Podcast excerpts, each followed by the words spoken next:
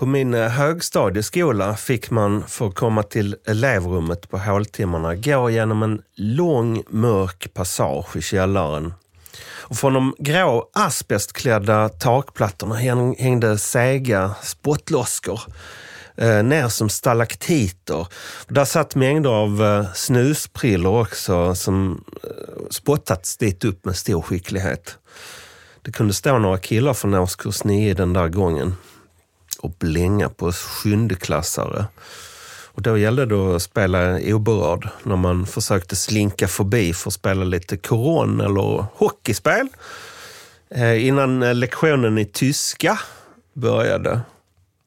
De stora grabbarna skannade snabbt av ens svaga punkter för att sedan kasta glåporden efter en som dartpilar i ryggtavlan. De hade tygtryck på jeansjackorna, såna här hela ryggtavlor. Dessa hårdrockens pubertala stamkrigare. Iron Maiden, Accept, Dio, SDC.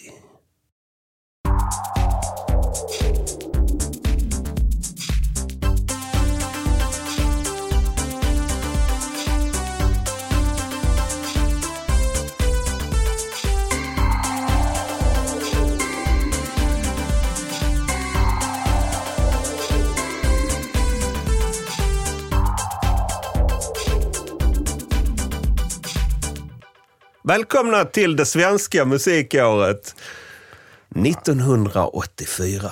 Det var viss igenkänning där känner jag. Ja, väldigt mycket igenkänning. Och jag kan ju säga att jag var ju en av de där nioklassarna då, men jag var ju aldrig, jag var hårdrockare, bör tilläggas. Jag hade en väldigt fin och vacker man då på den tiden. Men jag var inte så pass tuff att jag hade ryggtavlor på, på jackan och eh, stod och blängde på sjundeklassarna. Tvärtom. Jag var en closet case hårdrockare. Vi ska prata mer om eh, vårt förhållande till hårdrock lite senare. Härligt. Men vi drar igång det svenska musikåret 1984. Äntligen. Och eh, vilka är då vi? Eh, ja, Mattias här, eh, en eh, västerbottning Stämmer bra. från Vindeln. Ja.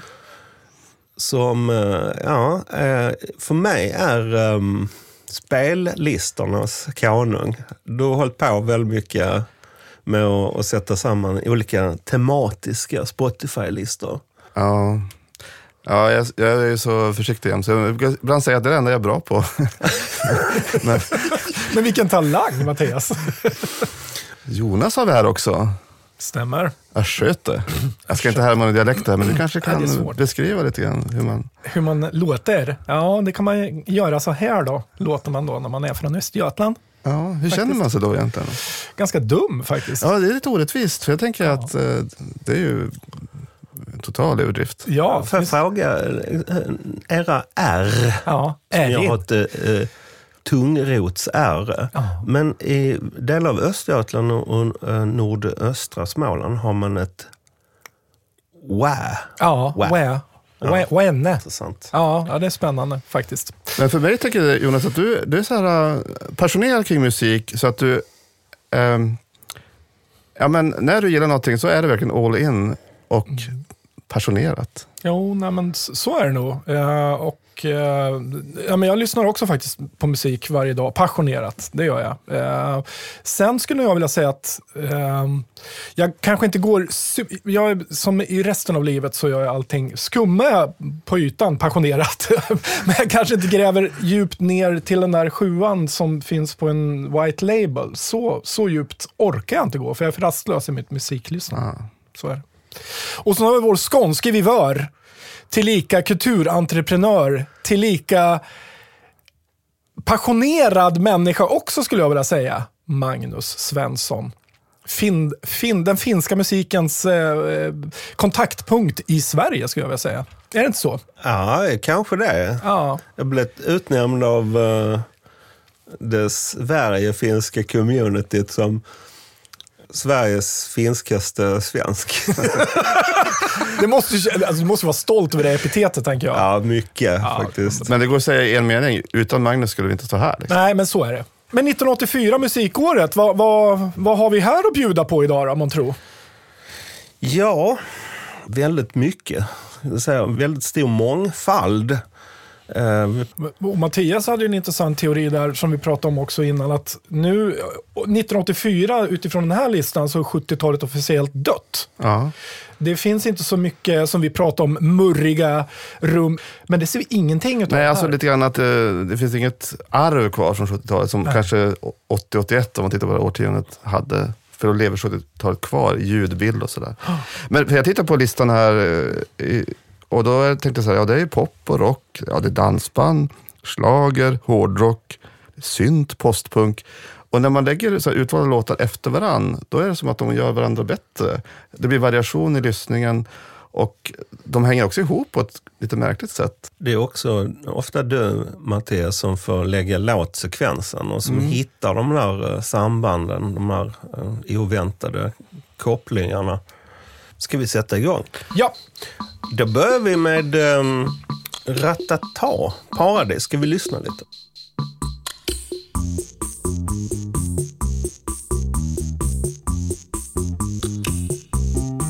Och där går hon till synes helt oberörd Ja men säg mig, hur ska jag någonsin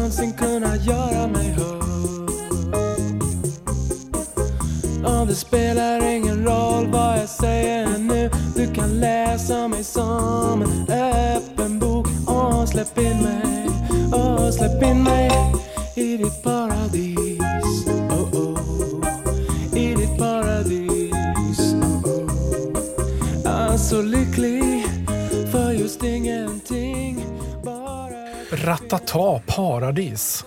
Det är du som har valt den, Jonas. Ja, jag tycker det är en fantastisk låt och, och vi pratade om det här under tiden vi lyssnade på låten att Kraftwerk borde ju få en hel del copyright-slantar från den här för att det är ju nästan exakt som uh, The Model. Eh, men på ett sånt jävla elegant sätt. Det är, för några år sedan pratades mycket om balearisk musik, alltså musik som spelades nere på Ibiza och klubbmusik som är after hours där man sträcker ut sig efter en hel natt på E och eh, techno house så lyssnar man på lite chillmusik. Det här är ju, det är ju exakt det här. Eh, det, är så, det är som en ljuv sommarbris den här låten. Alltså fantastisk. Det slår mig hur, hur eh, jag tycker brådmogen han var. Hur, hur vuxen han var redan när han körde igång där vid 18. Kanske. Någonstans där. Och här kanske han är 20 drygt. Och, och Ratata är ju som en konstant under de här åren därför att de började väl, när var det? Vilket år drog de igång? Eh, 81. 81 ja. Och sen slutade väl 89 så att det var ju liksom de, de, det är ingen slump att de dyker upp flera gånger under våran resa här. Nej, vi har ju några konstanter, vi ska återkomma till det tror jag. Det ska vi absolut Sådana göra. som alltid dyker upp varje Ja. år. Liksom. Från det här lite syntploppiga till mer traditionell svensk stadiumrock skulle man väl kunna kalla. Eh, Jag kände igen det i introt. Du, du, du, du, du, du, du, du. Ja. Kraftsägaren. Ja. Nej, men, nej, men jag, den, ut, jag minns att jag tyckte att den utvecklingen var väldigt tråkig. Eh, såhär, även Lustans Lakejer. Syntpop, det fanns såhär Japan, Kraftwerk i bakgrunden. Och plötsligt började, jag vet Lustan prata om Springsteen plötsligt och gjorde lite såhär bredare rock. Eh, och Ratata gjorde också, blev också bredare på ett sätt. Michael McDonald började nämnas, Mauro Scocco. Och, så, och det är ju, jag tänker att det, för dem var det säkert väldigt naturligt, men jag bara, ah, vad hände med, vad hände med mina ja, favoriter? Ja. Vad händer med det här lite mer eh, anglofila? Ja, jag tänker på Yazoo, alltså att, när, det- alltså det blir nästan en soulig röst och det här synt, alltså små blippandet. Eh, Yazoo, till fan, då har exempel. du rätt i. Det har inte jag tänkt Det, på. det blir en kontrast där och sen blir det, blir det då rock eller så här, då blir det så här, ja det är vanliga poplåtar på Ja. För jag tänker på den här tiden, vid den här tiden så är fortfarande mm, Storbritannien väldigt, väldigt eh, tongivande i, i popmusik överhuvudtaget globalt. De har the upper hand. Eh, och jag tänker på den utvecklingen som du pratade om, det här att man drar mot eh, det stadiumrockiga och så. Att det, är liksom, det, det, det speglar liksom hur USA tar över under under det här årtiondet. Nu har vi ju Prince som ligger och lurar i vassen, vi har Michael Jackson, vi har Madonna. Det är, och Bruce Springsteen brände ju till Men ordentligt. eh, någon berättar för Simple Minds, om ni åker till USA och spelar kommer ni bli stora. Ja, Om ni bara anpassar er lite grann. lite- exakt. Det blir lite tråkigare. Men alla de här artisterna, alltså Prince, eh, Madonna, ehm, ja, Springsteen faktiskt. Mm. Även om han hade slatt igenom lite tidigare. Mm. De, de har ju sitt monumentala genombrott Mm. 1984. Ja, det är sant. Absolut, så är, det, så är det ju faktiskt. Eh, Jag tänkte eh, leda över till en låt till som du har valt, eh, Jonas. Nämligen Digital Dandy av bandet Cotton Club.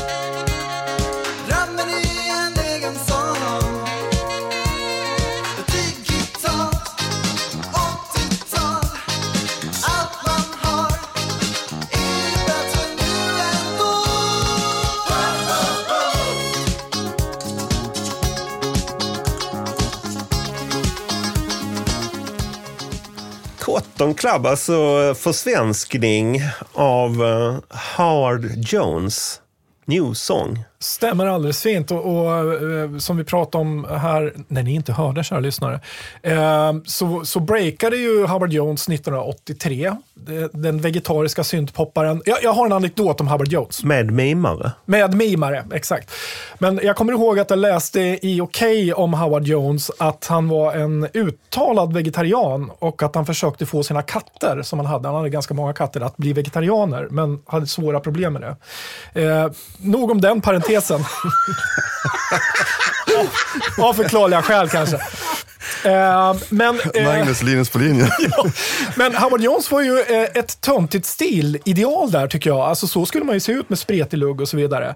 Eh, Lite säckiga kläder. Ja, lite säckiga Lager kläder. lager. Exakt. Men Cotton Club, om vi nu ska återgå till dem, det här är ju en försvenskning och en eh, fördiscoing eh, av eh, New Song som Howard Jones gjorde. Cotton Club är ett storstadsfenomen. Det var inget för oss grabbar i det här rummet därför att det här var en helt annan värld. Det här var metropolisk musik. Eh, de spelade på klubbar här i stan, var jävligt populära eh, och blev sedermera husband till drottning, eller till drottning Victoria. Nej, Nej, hon är fortfarande Ja. kronprinsessa. Ja, kronprinsessa. När hon, eh, då, eh, Gifte på sig, va? bröllopsfesten, Ja. när hon hade gift sig med Så- Daniel, så var de... eh, Husband. Ja, Alltså digital dandy, det låter ju som jag. Det skulle kunna vara jag. eh, fantastisk eh, sväng på den här låten tycker jag. Vid den här tiden så spelade de mycket på en klubb som heter Galaxy. Som låg på en liten ö i Strömmen som heter Ströms... Heter den Strömsborg? Eller Strömsholm? Någonting Han Strömsholm. ligger alltså mellan Gamla stan och Centralen. Eh, De gör också Eurythmics Din dröm. Alltså eh, Sweet, Sweet Dreams. Och eh, de gör till och med Total Eclipse of the Heart. det är faktiskt underbart. Men också att göra den stöpt i den här kostymen. Det här känns ju egentligen väldigt svenskt. Det är lite stelbent, det är lite musikskola, men det är ju någon slags sväng ändå. Ja, det är jag. sväng. Jag tycker jag, jag vill bara hålla med om det här att eh, det inte tillhör ens eh, värld nästan. Egentligen gör kanske inte Stranded-banden det heller då, eller gjorde förrän några år senare. Så att det, är, det är något fascinerande med det här eh, landsb- stad, landsbygd och ja. Ja. Jag tänker på mycket av den här musiken när man lyssnar på den på listan. Att eh, man har blivit mycket mer hemma i det moderna. I jämförelse med 1981. Det, det moderna var nytt. ja, det är bra. Ja, det är snyggt. snyggt. Eh, ja, och nu är det ju dags att eh, prata lite eh, om percussion. Apropå Eh, modernt. Pay and the price. Jag tänkte, vi kan väl ändå, när vi pratar om det här, vi kan ju prata direkt med Per.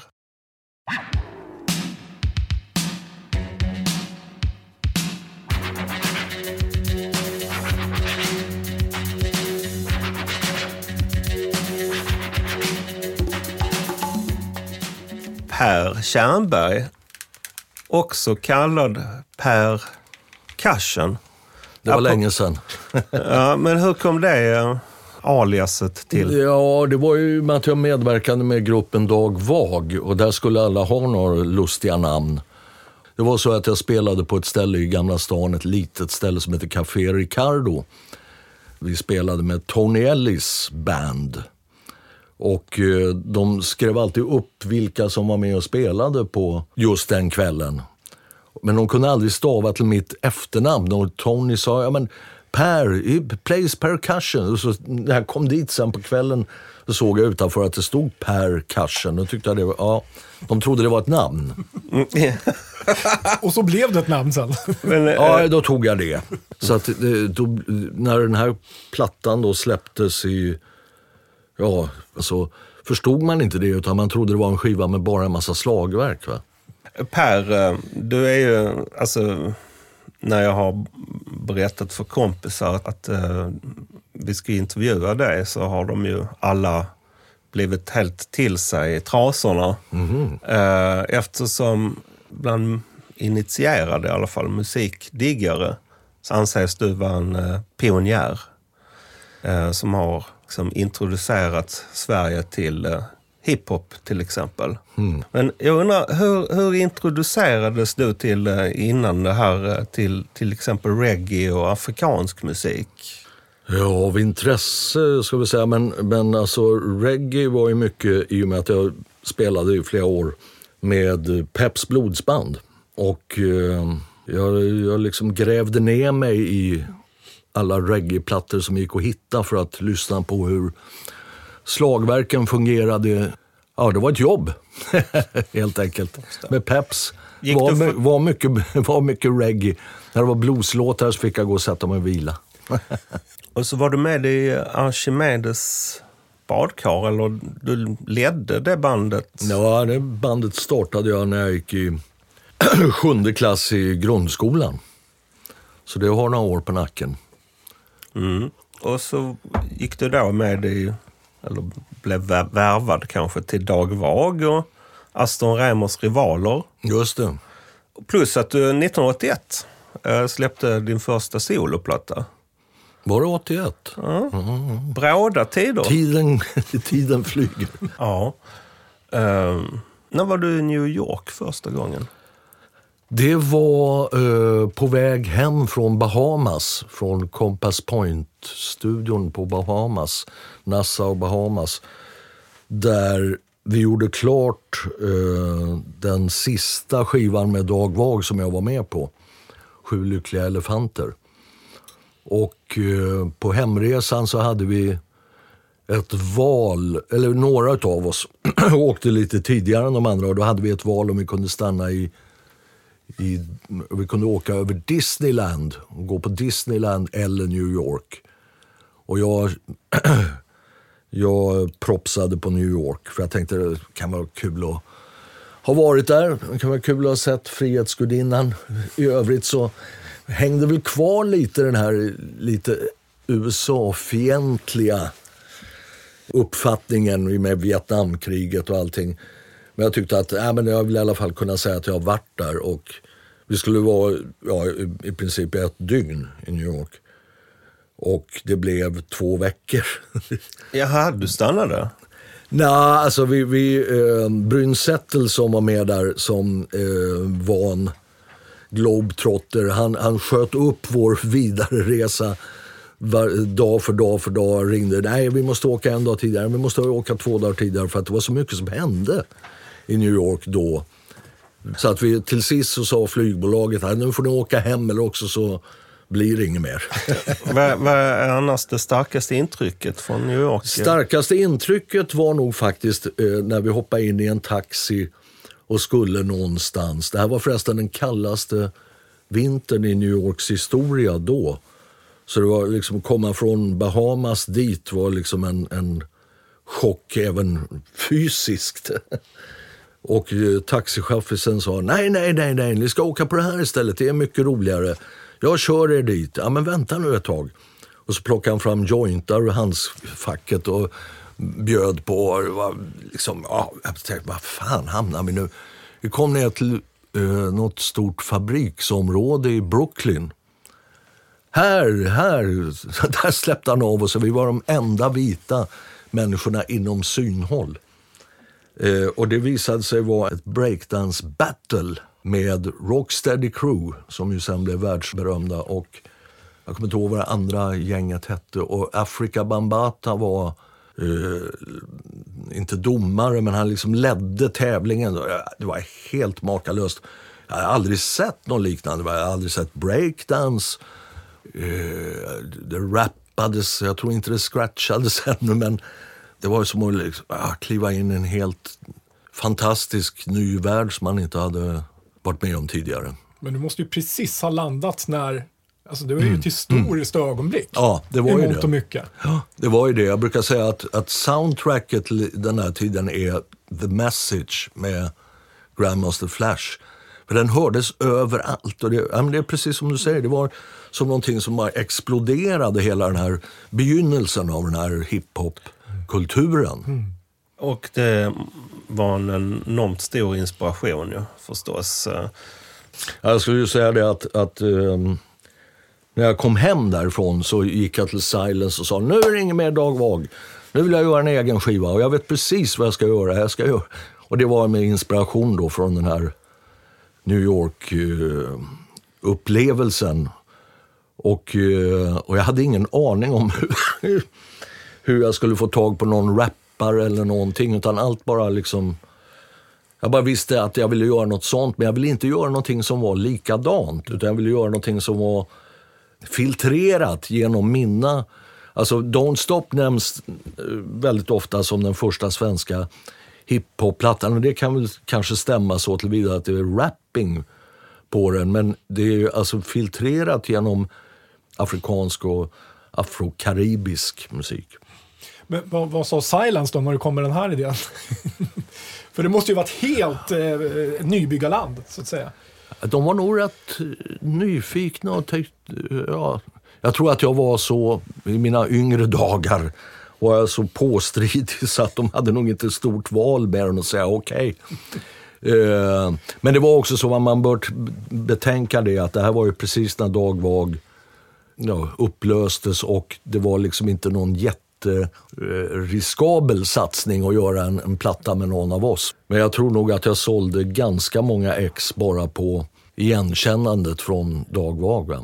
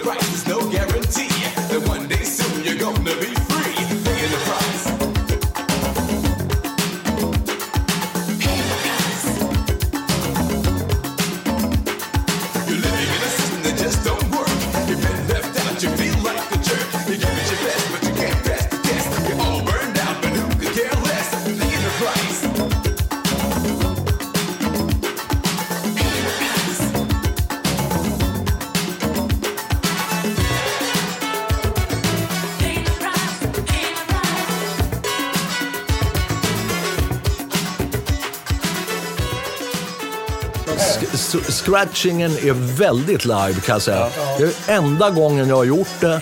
Och det var det först... som gjorde det också. Ja, det var första gången. Och jag bara tänkte, jag ska pröva att göra det. Och vet ni vad jag använde? Det låg en vinylplatta i studion med ABBA. Det är faktiskt ABBA som jag scratchar med. Men alltså faktum är att nu när jag hör det, är att den här, den här scratchingen är fan inte dålig alltså, med tanke på att jag hade aldrig prövat. Jag bara så, kan inte jag pröva? Jag ser om jag kan scratcha här. Och det första som hörs där är! Det är faktiskt en miss va, för att jag, jag råkade släppa skivan liksom lite för tidigt va. Så det blir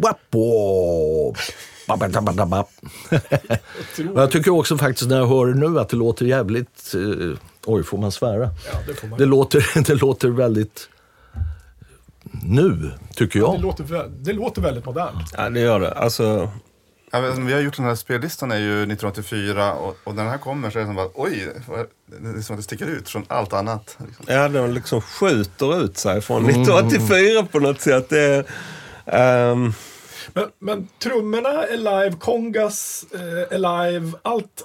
Allt Allting scratchen, är... Eller scratchen är också live. Scratchingen är väldigt live Ja. skulle jag vilja säga. Men, men jag tror kanske eventuellt, är inte riktigt säker, men jag tror att det kan vara så att vi, alltså man ville ha det där soundet. Va? Nu hade jag Åke Eriksson, världens bästa trumslagare, som var, i hela friden skulle jag med trummaskin till, men det var liksom det soundet man ville ha. Va? Så jag tror faktiskt att det är, eller jag är säker på att det är hela den här skivan, det här albumet heter ju Beatwave och den plattan innan som heter Don't Stop så är det Åke Eriksson och trummaskin. Antingen är trummaskinen spelad manuellt, just för soundet skulle att jag stod och tryckte på knapparna helt enkelt eh, ihop med Ja. trumtracket. Eller också, ehm, eller också så är det ett komposit. Va? Jag tror att det är, på den här tror jag att virvel och baskagge är trummaskin och så spelar Åke hi-hat. Så. får jag fråga, hur togs det här emot i Sverige, den här musiken, den här nya musiken? Ja, det ska jag berätta. Eh, alltså om man tittar i klippböcker som jag fortfarande ja, brukade klistra in saker i på den tiden. Så är det en eh, o, ofattbar publicitet i dagen, alltså jämfört med dagens eh, media. Alltså det, då fick man ju liksom högar av recensioner från Ja, dels alla de stora tidningarna med alla landsortstidningar och allting. Och alla tyckte det var toppen. Sen gjorde jag den här andra plattan då, som börjar med den här låten Paying the Price. Den hette Beatwave. För den gjordes klar i New York när det var en fruktansvärd heatwave. Eh, så tyckte jag det var vitsigt att kalla den för Beatwave. Då var recensionerna följande. Alltså jag har sparat en recension, den finns någonstans bland mina klipp. Där det står så här, ja, ja, ja, det var väl kul med rap på den här Don't Stop, men allvarligt talat, vem kommer att lyssna på rapmusik om ett par år? Some prophecy, eller hur? Ja, exakt. Och idag är det den musikgenren visst. som är liksom rådande. Det är ju dagens popmusik. Vill man göra en platta idag så är det väl det, det man ska säga att man vill Ja, göra. precis. 40 år senare. Ja. Jag har en fundering också. Vi är, är ju lite nördiga här kanske. Vi zoomar in på ett år. Det är bra. Det är nästan 40 år sedan och det är inte så lätt att minnas alltid. Men jag, en låt som är med på den här listan, jag kan börja med att beskriva den lite grann. Jag tycker den är så här luftig och har ett eh, suggestivt groove som är- blir så här, man blir liksom hypnotisk. Och en, en ganska bortglömd skiva. Ett album heter eh, Ge mig mer. Och låten Novembervind. Ja, just det. Vem har producerat den här? Vet du vad en recension sa då? det är lustigt. Jag, alltså Ted Ström som gjorde den skivan, Ge mig mer, det är ju min morbror faktiskt. Eh, Eh, så att det var ju liksom, vi hade ju länge tänkt att vi måste göra någonting tillsammans. Och, men det var en rolig recension av den här plattan i tidningen Slager. Någon tjej som skrev och, så stod det så här. Och producent, det är Per Karsen. Måste han vara med på varenda skiva som görs i Sverige nu för tiden? Vilket jag tycker var en överdrift. För att så jävla mycket var jag inte med på. Men eh, den här skivan är jag väldigt, väldigt glad över. Jag tycker den är jättebra faktiskt. Och där har vi ju också eh, originalversionen. eh, Just av det. Klassikern Vintersaga. Vi vill tacka dig Per Tjernberg Det var så lite. så mycket för att du delar med, med dig och eh, för att du har ett så knivskarpt minne.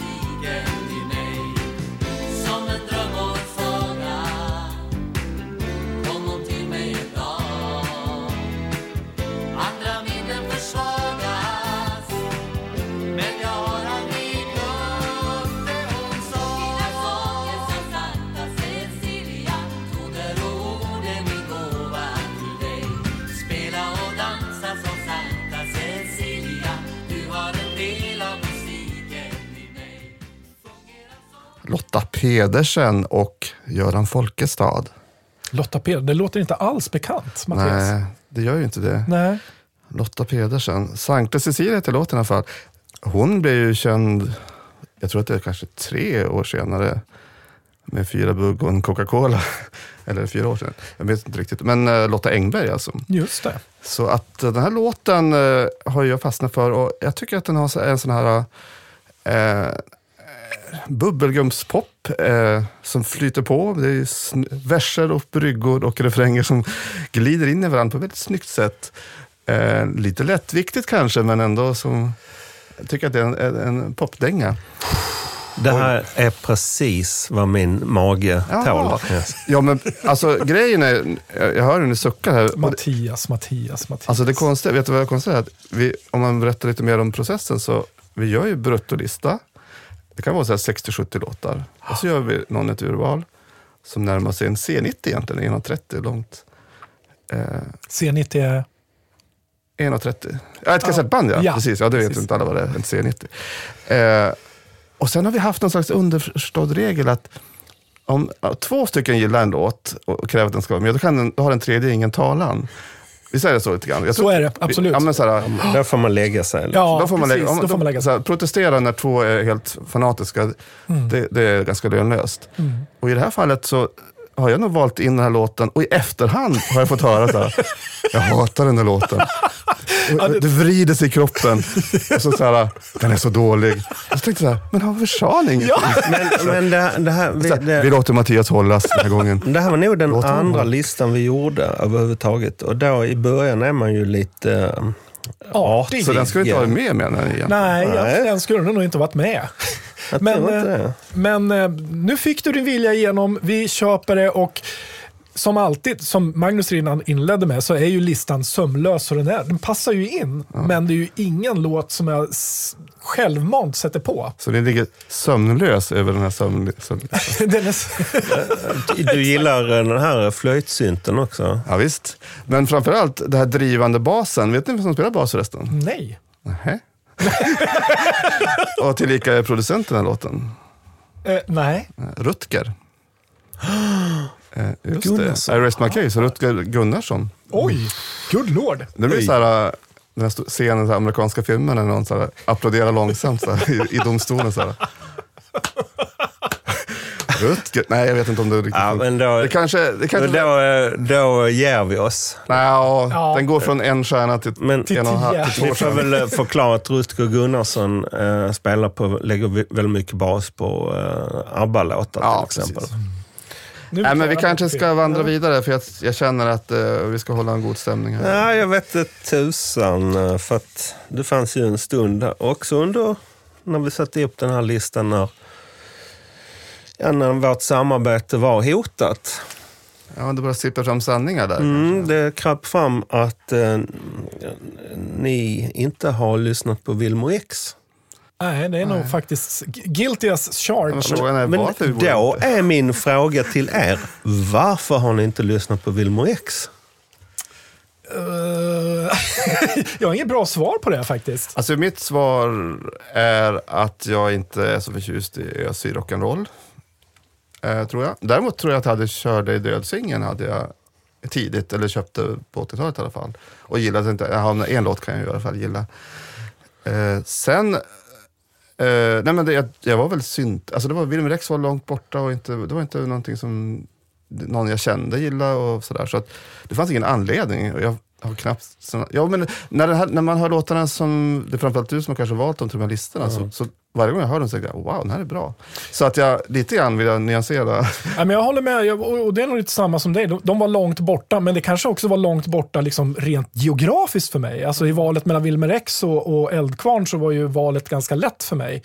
Men jag tänker också så här, precis som Mattias sa nu här mot slutet, det är ju för fan powerpop Wilmer X spelar. Alltså nu, nu ser man liksom den kopplingen. Det gjorde inte jag då riktigt. Vi har valt eh, nattens stora suck som är en av låtarna på B-sidan till Kör dig död, som du nämnde. Eh, och det är ju, jag skulle säga att det är klatschig, lite rotig rock'n'roll med en stor dos popkänsla.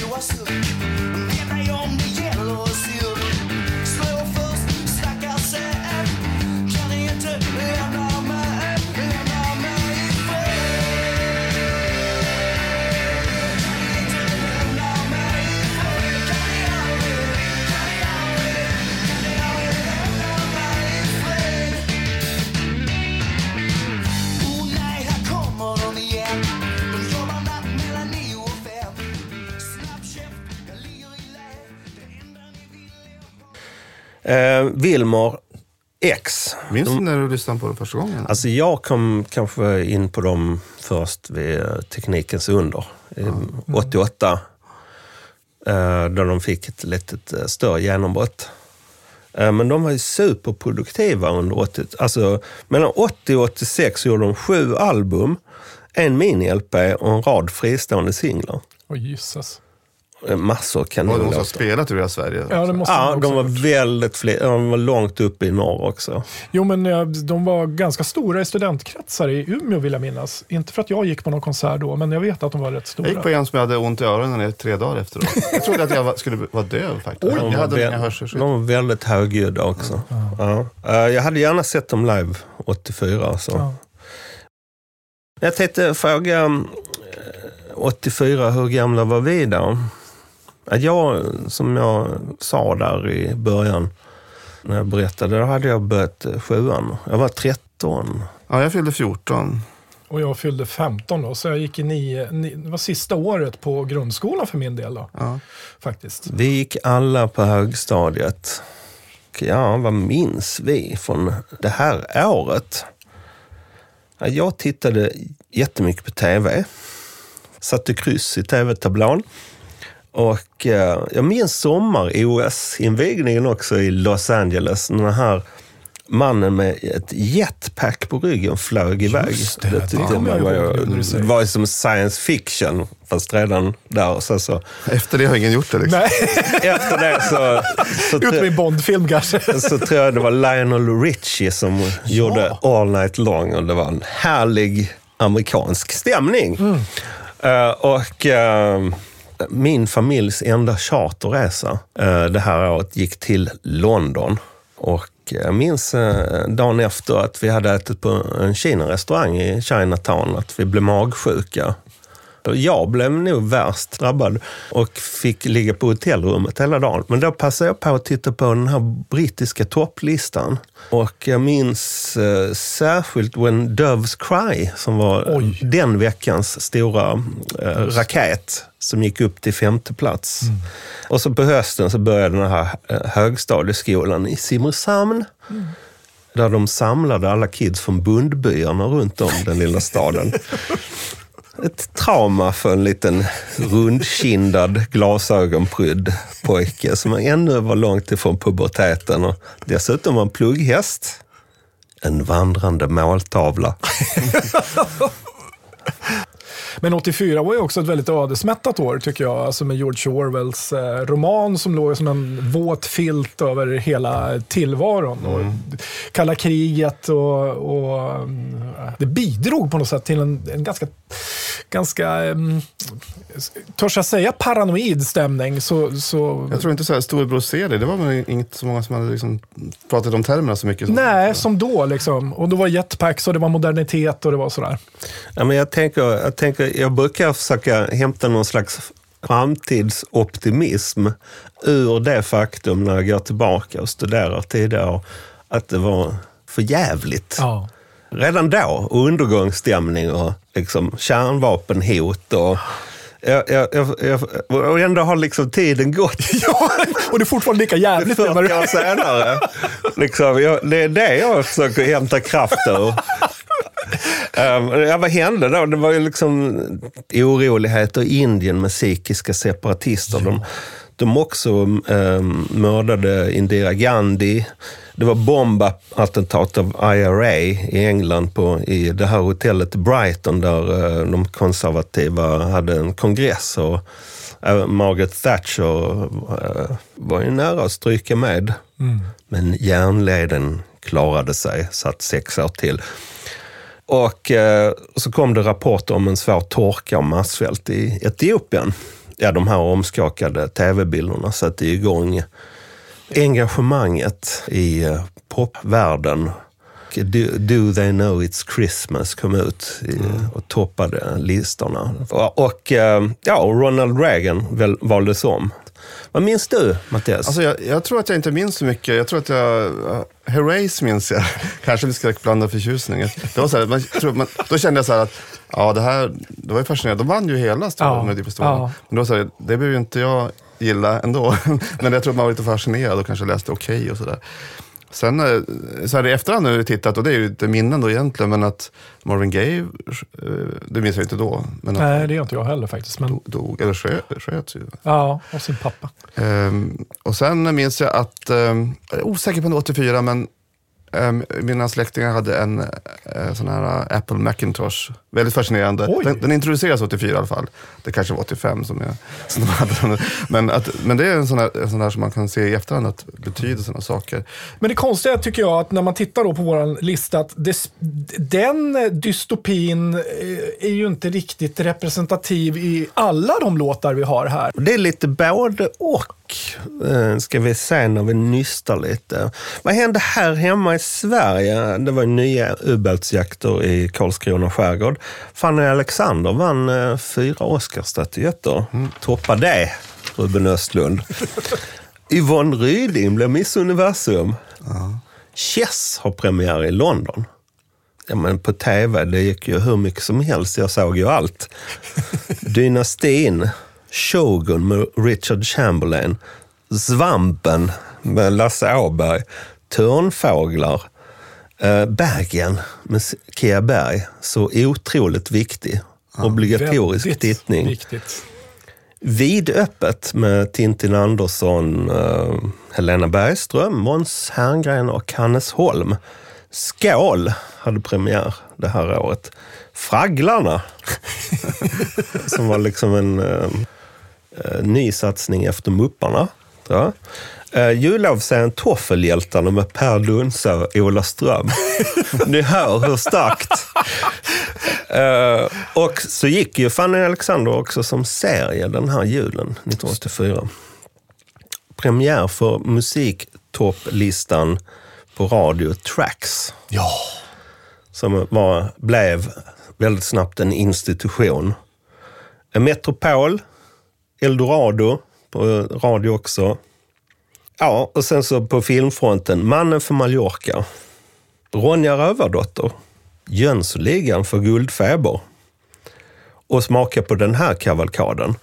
Amadeus, Ghostbusters, Gremlins, Footloose, Karate Kid, Polisskolan, Purple Rain, Snuten i Hollywood, Terminator, Terror på Elm Street, This is Spinal Tap. Ja, alltså, Ja, men herregud. Tungt år. Man hade ju fullt upp. Ja, ja, ja, ja, absolut. Och jag tror inte jag såg en enda av dem på bio faktiskt. Jo, Ghostbusters möjligtvis. Jag såg, eh, trots att jag var för ung, ja, Jakten på den försvunna skatten, vad heter den? Alltså, Ja. eh, Och De fördömdas tempel, jag tror det var den Ja, tredje filmen. Där, den blev insläppt på dock. Mm. Oj. Alltså, jag nämnde okej nyss, men det var inte så svårt att hitta material för dem kan man tänka sig ett sånt år. Som... Men jag tänkte på det, det är roligt när man får höra tv-program och så där, för jag tänker att det finns ju väldigt mycket nostalgi att höra Fragglarna och andra saker. Men om vi tittar på, om vi närmar oss det, vårt urval och låtarna, då tänker jag att det är väldigt lite nostalgifaktor. Alltså att de är med för att man minns dem. Det, så är det inte alls. Det, är inte, Nej. alltså det kan ju finnas vissa grupper och sånt man gillade då, men ganska lite. Nu är det ju som att det är nyupptäckt ändå. Jag tycker att det är en spännande grej att vi får vi hör med våra eh, dagens öron på den. Och det är väl kanske lite utav vårt modus operandi att försöka välja sånt som inte är tjatigt för oss själva utan försöka upptäcka åt- 1984 i det här fallet på ett helt nytt sätt.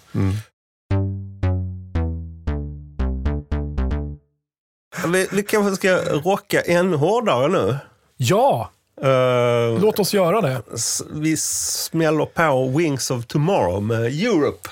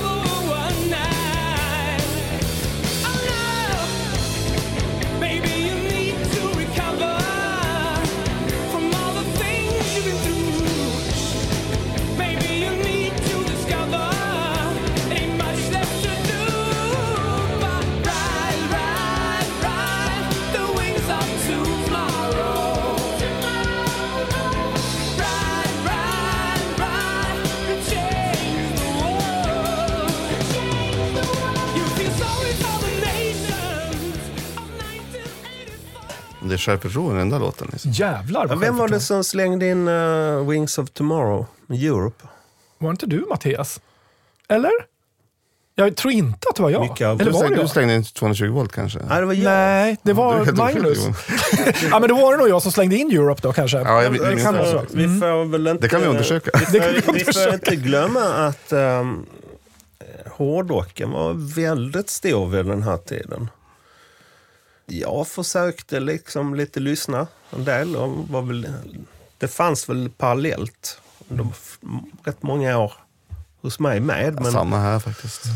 Eh, du är ju en väldigt uttalad hårdrockare. Absolut, och det var jag då också. Jag skulle nog vilja säga att synten levde parallellt med mig eh, eh, under de här åren. Jag, var nog, jag identifierade mig som hårdrockare.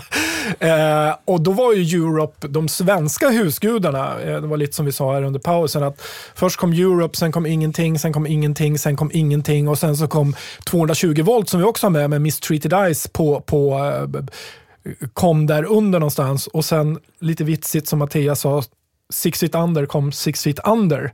Eh, men då börjar ju den svenska hårdrocken formeras, skulle jag vilja säga, under de här åren. Jag tycker det är intressant Jonas att du lyfter fram att, att du, du var hårdrockare för att du gillade melodier.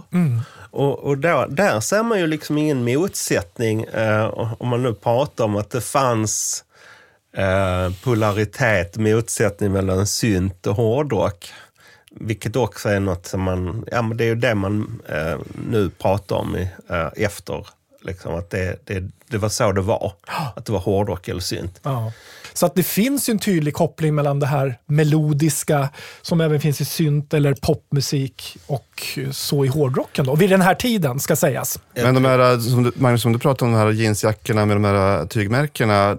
Då, jag tänkte så, det var egentligen tidigare åren 84, att, att det var något så ganska skrämmande, läskig musik. Det var kanske det när man var yngre, men sen när man började lyssna på det, det gick att lyssna på det. Så här, ganska, det var ingen stor tröskel där man liksom här, gav det en chans och lyssnade. Iron Maiden till exempel, det var inte så att det var så farligt. Eh, Ja, senare tyckte jag att Sonic Views var mycket mer läskiga Ja, än, faktiskt. än, än de här hårdrockarna. Men jag tänker också på, när, i den här åldern som jag var i här och då, då var det liksom lite så här, ja men det var jävligt tufft med Iron Maidens Eddie på omslaget och jag började läsa Stephen King och alltså utforska utforska det här lite läskiga, börja titta på skräckfilmer och så vidare. Så att det här gick nog lite hand i hand för mig att utforska mina egna rädslor och, och på något sätt eh, bli vän med dem. Jag var en jävligt ängslig pojke eh, faktiskt. Sådär. Så att det här var ett steg i den riktningen. Eh, där jag kommer ifrån, eh, på den skånska landsbygden, där var ju hårdrock eh, obligatoriskt då. Om det nu inte var dansband som låg i bakgrunden. Men sen så tänker jag också på, alltså jag är uppväxt på en by där alla på något sätt var arbetarklass kanske. Och sen så hade vi några bekanta i eh, Veberöd utanför Lund, som var ett här riktigt stort villasamhälle. Och där var det mycket mer eh, moderater och, och så här, eh, tröjor knutna över axeln. Och eh, de tonåringarna då som, som jag kände, de, de var ju, det var ju bara synt. Ja. Så det fanns någon liten så här klassskillnad eh, skillnad också i vad man föredrog eller vad som var dominerande. Absolut. Ja, men lite också centrum-periferi som Mattias var inne på tidigare. Ett sådär storstadsfenomen som spred sig ut liksom på landsorten. Nu, från ett ämne till ett annat. Eh, vi lyssnar lite på Imperiet. Kickar. Och så ska vi prata lite om Thåström.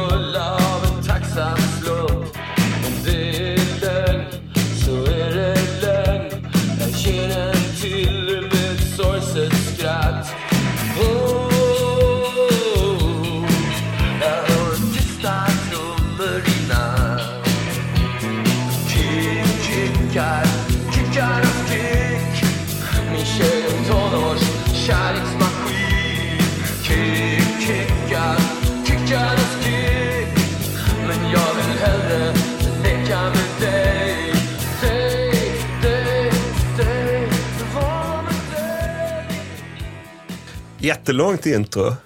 Mm. Eh, De tar verkligen tid på sig innan eh, Thåström kommer in och väser fram sina rockmytiska texter. Nej, men jag, jag har ju en förkärlek för ganska monoton musik och eh, när det faktiskt får mala på så här. Så jag tänker att den här är ju faktiskt helt underbar egentligen. Eh, jag tror att vi, eh, 1984 så gjorde de den här mini när den här är med i Imperiet. Eh, men andra år, det är väl det vi kommer in på snart här, så har vi kanske undvikit att ha med Thåströms produktioner och låtar på listorna på vissa andra år. Men den här plats, platsar jättebra. Så pumpande, sugande rytm. Det är nästan Billie Jean, alltså eh, Michael Jacksons monsterhit, liksom, någonstans där i början. Men det spännande är ju att eh, Thåström är som en gud för många och är ju kanske den största. Och jag tror att vi har lite olika... Jag, jag har aldrig varit någon punkare, jag hoppar ju över punken. Så för mig var inte det viktigt. Eh, Men jag tänkte också på, en liten detalj här, detaljerna är ju ofta det viktiga. Jag tittade på mm, omslaget på den här och så står det tack till Greg Fitzpatrick. Jaha. Den här, eh, Syntguru? ja, som eh, stöttade Adolfsson och Falk. Så jag tänkte så här, apropå att eh, punken och att ta nya steg in i 80-talet. Men jag tror att den här låten är skriven av Stry Terraria. Ja, det är inte helt tydligt tror jag, men du, du kan ha rätt. Det låter lite mer som en Stry-låt faktiskt. Det är kanske därför jag gillar den. Ja, men jag tror att det, det, Förmodligen. De har sagt credits, den är skriven av Imperiet tror jag det står. Och, Ah, då vet man inte riktigt. Men, Men Stry var ju med i sena eh, Ebba Grön och i Rymdimperiet-projektet och tidiga Imperiet. Var, han slutade väl det här året, flyttade tillbaka till Malmö för att han orkade inte bo runt i massa andrahands... men, Fatt.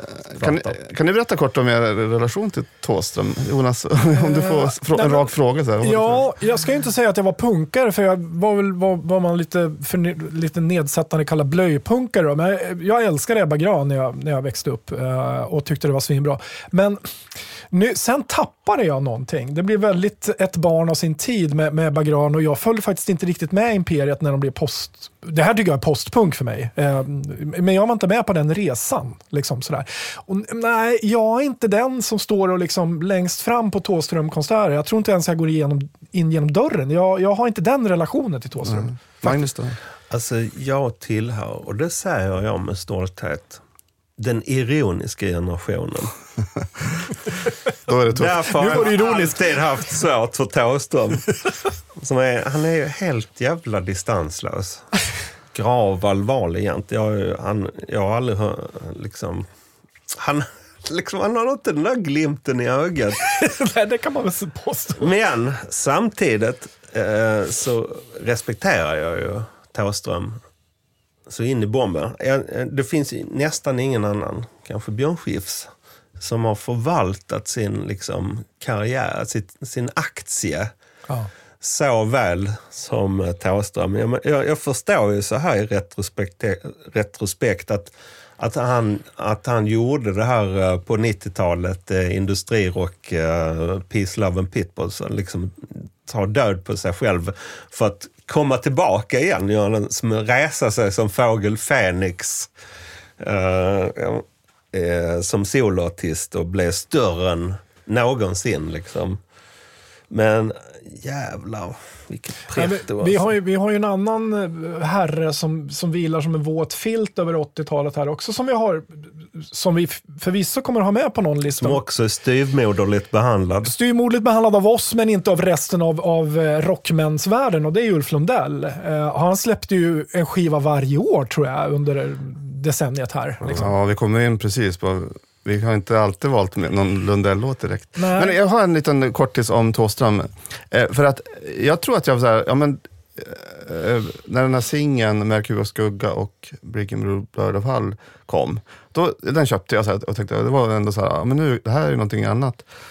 Eh, Och nu vet jag inte, ja men den är ganska, ja den är ganska gravallvarlig också. Men, men, men eh, jag har nämligen, när jag kollade bakåt, minst tillbaka, att jag lyssnade nog en del.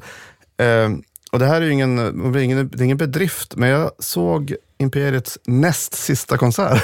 Alltså den sista, det var- en avskedsturné de gjorde, ju, åt, nu hoppar jag framåt några år. 88. 88, precis. Så då var de i Lycksele uppe i Västerbotten dagen efter. Sista spelningen var på Ritz i Stockholm, så, så, men näst sista var jag på. Hade just skaffat körkort, vi var några, någon som sa vi måste åka dit i den sista chansen. Ja, och du får köra för du har ju körkort. så, och jag hade liksom haft det några veckor, det var så här jätteläskigt. Och skulle, vi skulle köra tillbaka på natten. Samma dag, det här är en liten utvikning, men så lyssnade jag på Camouflage. Jag vet inte om vi kommer tillbaka till dem. De har en låt som heter Om jag dör i natt. och så, det var så, här- det var så här oroliga föräldrar och så skulle vi så här köra hem från Lycksele på natten. Och så, bara, ah, och så den börjar med, ja, ni kan lyssna på den texten om ni vill. Ett omen. En, en liten eh, grej till om Thåström. Jag tycker nästan han var bäst när han hade en, en slags sparring, pa- alltså en partner. Eh, man kan ju betrakta Fjodor som den ideologiska ledaren i Ja. Ebba Grön. Eh, och, eh, och man kan be, betrakta Stryt Terrarie som- vid den här perioden som en slags kreativ kraft, liksom bredvid Thåström. Och eh, när det fanns någon bredvid, då, då, då för, kan jag föredra liksom Thåström. Men när vi ändå eh, pratar om pretensioner, då går vi över till Dan Hylander. Snygg övergång där, Magnus. Vi lyssnar.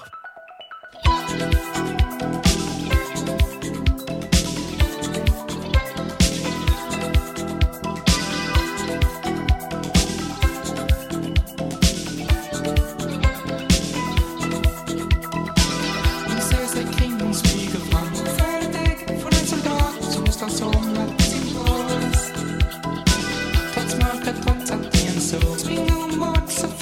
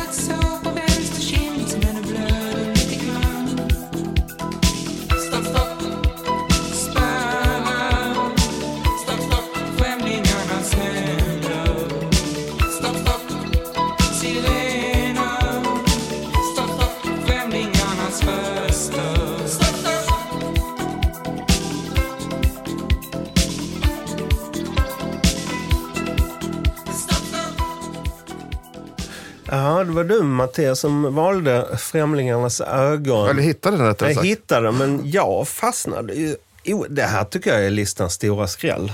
Ja, jag håller med faktiskt. På något sätt. Ja. Det här Väldigt bra. Albumspår från det här årets storsäljare. Eh, då kanske Dan Hylander och Ray Montana band pikade eh, pop- i popularitet. De hade ju hits med Skuggor i skymningen och eh, Svart kaffe. Och det här albumet då eh, hette Om änglar och schakaler. Så det oerhört pretentiöst. Det är så, du är väldigt snäll och gapskrattar åt albumet. Ja, förlåt. Förlåt. Ja, men jag gjorde det också. Ja, men, eh, det, ja, men det pretentiösa 80-talet, det var ju en tid där man kunde helt utan någon slags förbehåll eh, göra den här grejen. Ulf Lundell också. men den här låten, vi måste prata om den. Den är ju så förtätad och suggestiv. Det nästan rullar upp en film. Liksom. Det regnar och det är mörkt och det är någonstans kanske i Östeuropa tror jag. Östeuropa. Gränsområde också. Ja, något bakom gränsområde. järnridån Ja. och det är någon som försöker fly. Och det är svepande ljuskäglor, det är soldater som springer efter den här personen som faller. Och, rösterna från Solar. Alltså det, wow. Ja, och sen syntljudet. Du, du borde gå ner i spagat för det här Mattias. Ja, det här är ju helt uppe din Jag har eh, ont allé. fortfarande i, Allé? Gränd kanske. och min allé. Men var det inte så här också Magnus, att, att du och vår producent Anders pratade om den här låten precis innan vi gick in i Ja. studion? Ja. Att den hade fastnat i hans... Han har börjat eh, lyssna igen. Han lyssnar på Skuggor i skymningen. Ja, Och så. Jag tycker det är kul när i det här projektet där man, eh, ja, men man eh, blir överraskad och fördomar kommer på skam. Ja, verkligen. är det någon jag har haft fördomar mot så är det Daniel Lander. Han fanns överallt under den här tiden, eh, men jag tror inte jag lyssnade Ja, speciellt men, mycket och symboliserade något tråkigt på något sätt. Ja, men absolut stelbent rock när den var som sämst, skulle jag vilja säga. Men det här är ju fullständigt briljant. Vi kan kanske prata lite om, om vårt urval. Mm. vi- vi fick väl kanske inte riktigt lika mycket negativ feedback som vi fick när vi släppte vår 1981-lista. Men eh, vår producent Anders Elfström, han, han var positiv. Han hade också själv gjort en, en alternativ lista. Eh, han skriver så här, en upptäckarlusta snarare än nostalgilista för mig. Kul! Saknar varma öl och kalla element. Det är inte mitt fel då. Och skulle ha valt Tyngdlös från Adolfsson och Falks skiva. Anders, jag håller med. Mycket bra, eh, mycket bra och konstruktiv kritik. Väldigt konstruktiv kritik. Befogad. Men det är ju det där, jag, jag tror också att det präglar den här listan som vi pratar om. Jag tror nog, eh, vi säger att varje lista är den bästa, men den här har störst spännvidd tycker jag ändå.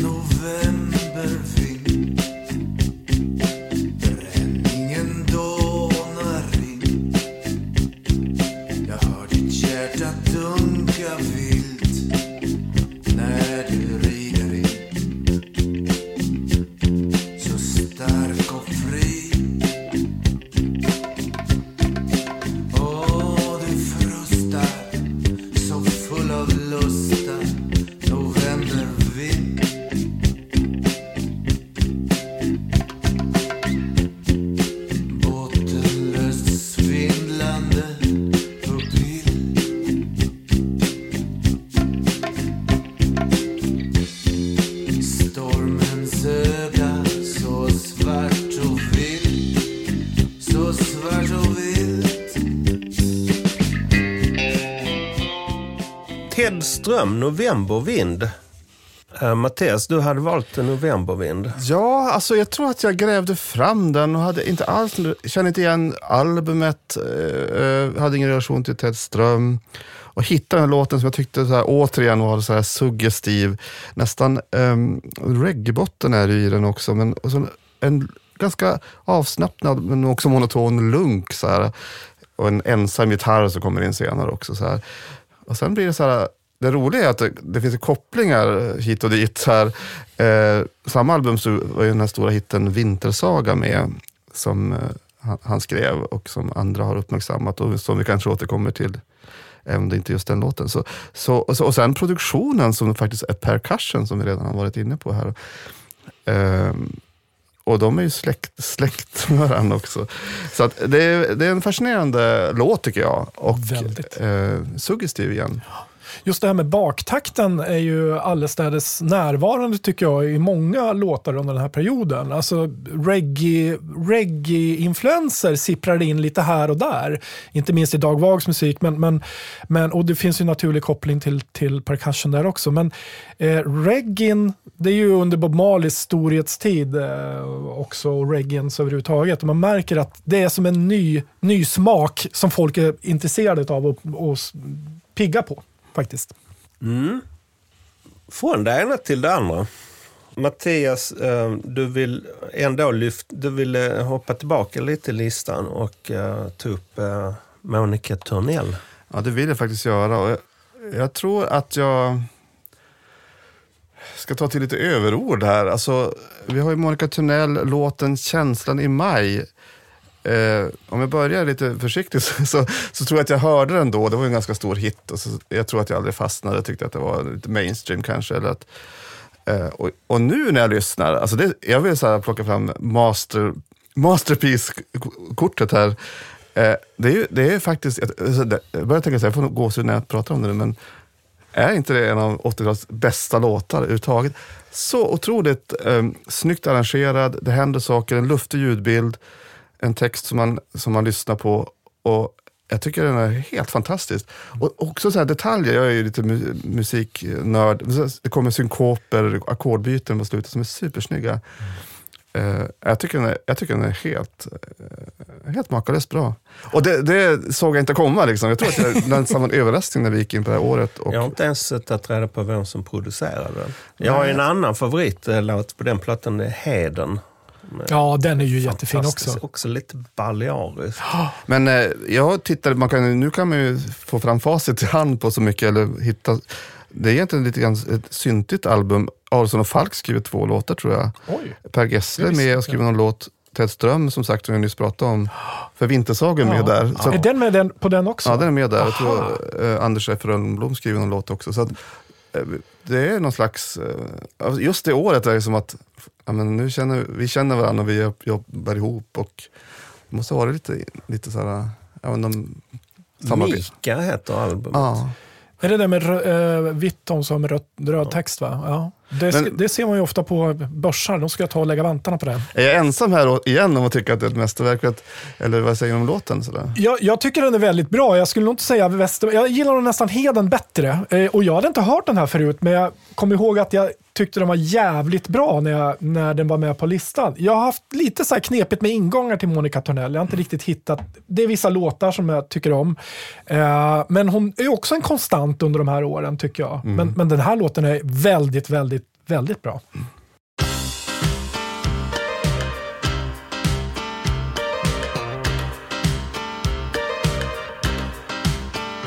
Kommer du ihåg känslan i september? Känslan du hade i maj? Hela livet var kärlek och livslust och glädje. Hela tillvaron till.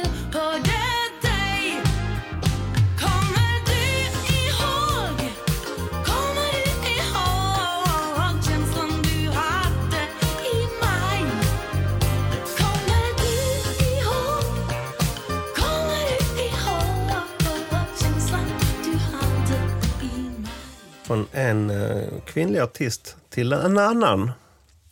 Ja, Carola. Eh, det här teamet runt Carola, de, de var sanslöst produktiva vid den här tiden. Det gällde att liksom verkligen mjölka Carola-febern. Eh, för det var det ju. Det var ju helt galet. Det kom alltså två svenskspråkiga album och ett engelskspråkigt album det här året. Och ehm, kanske hon hade då en potential och, eh, att slå utomlands. Det här var året efter Främling och, och det dundergenombrottet. Vi hade svårt att enas om en låt. Men vi landade i någon slags kompromiss Ja. i. Tokyo,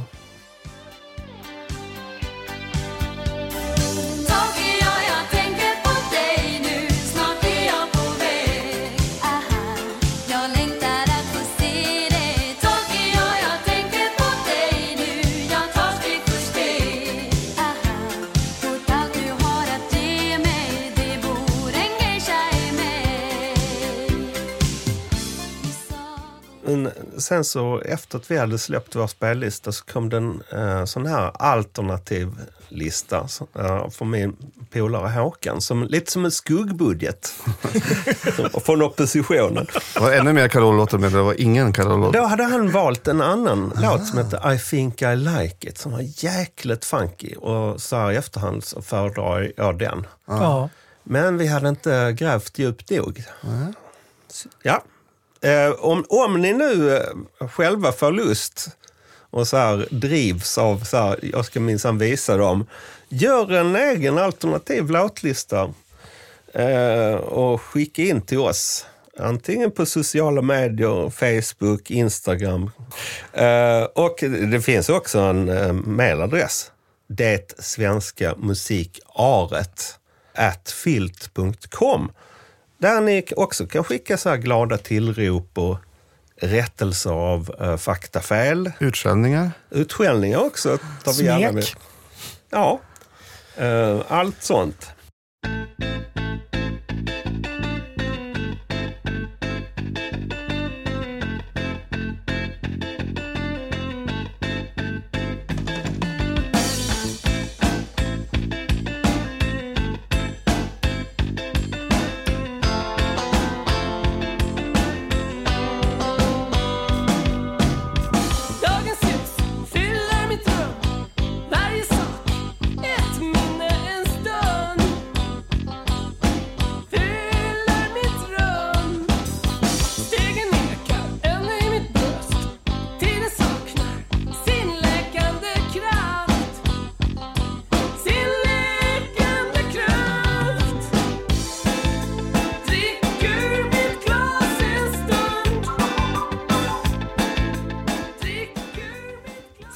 Fredag, drick ur mitt glas. Vilken fantastisk sångröst han har, Uno Svenningsson. Och det är ju något kittlande med den här kristna västkustrocken ändå, tycker jag. Den här gången i lite baktakt. Vi pratade ju om reggae-influenser tidigare. Jag tycker man hör dem lite här också, med en slags funkgitarr som ligger och smyger i bakgrunden. Eh, är det här tycker jag är överraskande bra också. Faktiskt. vet ni vad jag hör? Och även på andra låtar på, på den här listan. Talking Heads. Ja, just Alltså både det. i sången och även i det här uh, funksvänget. Liksom. Fan, det har du rätt i. Mm. Det har Men det här är i, innan de slår igenom. Alltså det här är en platta som kommer två år innan Vindarna Ja. eh, och deras stora genombrott. Så den, jag har inte alls lyssnat på den, men det Nej, inte låter jag heller. förbaskat bra. Alltså. Ja, och mycket, mycket, hur ska jag uttrycka det? Ja, det är mycket råare framför allt. Det är, det är inte lika slickt producerat som det blir eh, några år framöver. Men, och, och jag gillar det. Jag tycker det är skitbra rent ut sagt. Faktiskt. Återigen så blir ju eh, historieskrivningen fredag, vindarna och så kanske Unos solo eh, karriär. Men det är så förenklat och så här, ja, det finns album innan. Så här. Ja, är det och- någon som har lyssnat på dem men så här, överhuvudtaget? Ja, och som har riktigt jävla bra låtar på liksom. Ja. Och han är ju helt färdig liksom, redan här som sångare. Han, man hör ju hans otroligt karaktäristiska röst. Absolut. Det har nog varit många timmar i, i församlingshemmets replokal där tror jag. Det är lite som en trasig orgelpipa på något sätt. Ja, men verkligen. Ja, jag älskar hans sångröst. Ja, då, nu börjar vi nå, slutet. Är det sant? Ja, eh, eh, vilket mastodontavsnitt. Jag tänkte bara avsluta med att säga några ord om den trygga konstanten Björn Skifs, som alltid poppar upp. På tal om jävligt bra röster. Ja, alltså han har ju funnits där hela vägen sedan man själv var ett litet barn. I början av 70-talet. Ja, och dessförinnan också ju. Och det är kul att se hur han liksom hela tiden anpassar sig efter skiftande musikaliska trender och sound. Här är ju eh, den väldigt 80-talsdoftande låten Innocent Eyes.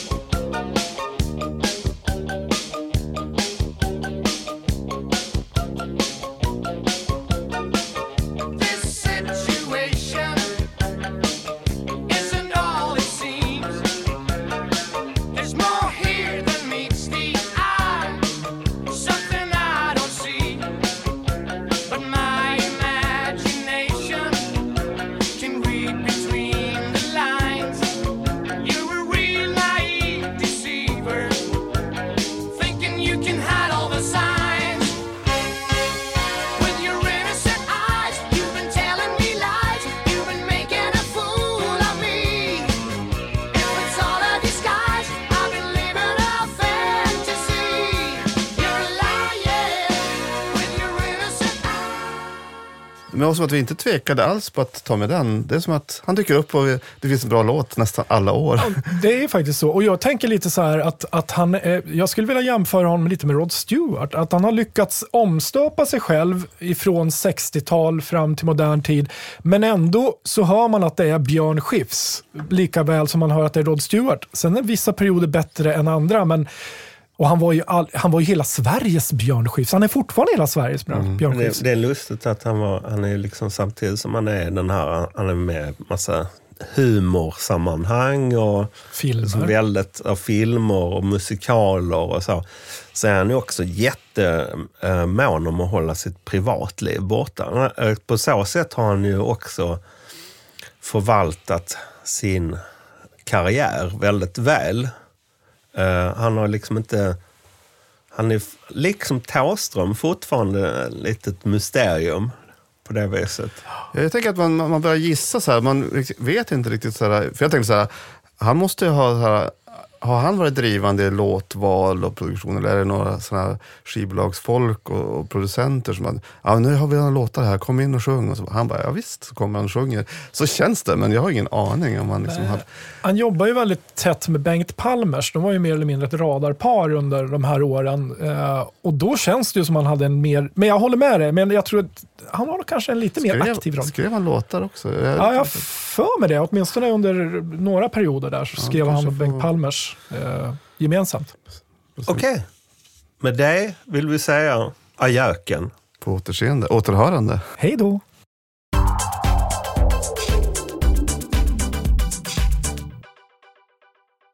Om du vill eh, höra hela intervjun så är det lätt fixat.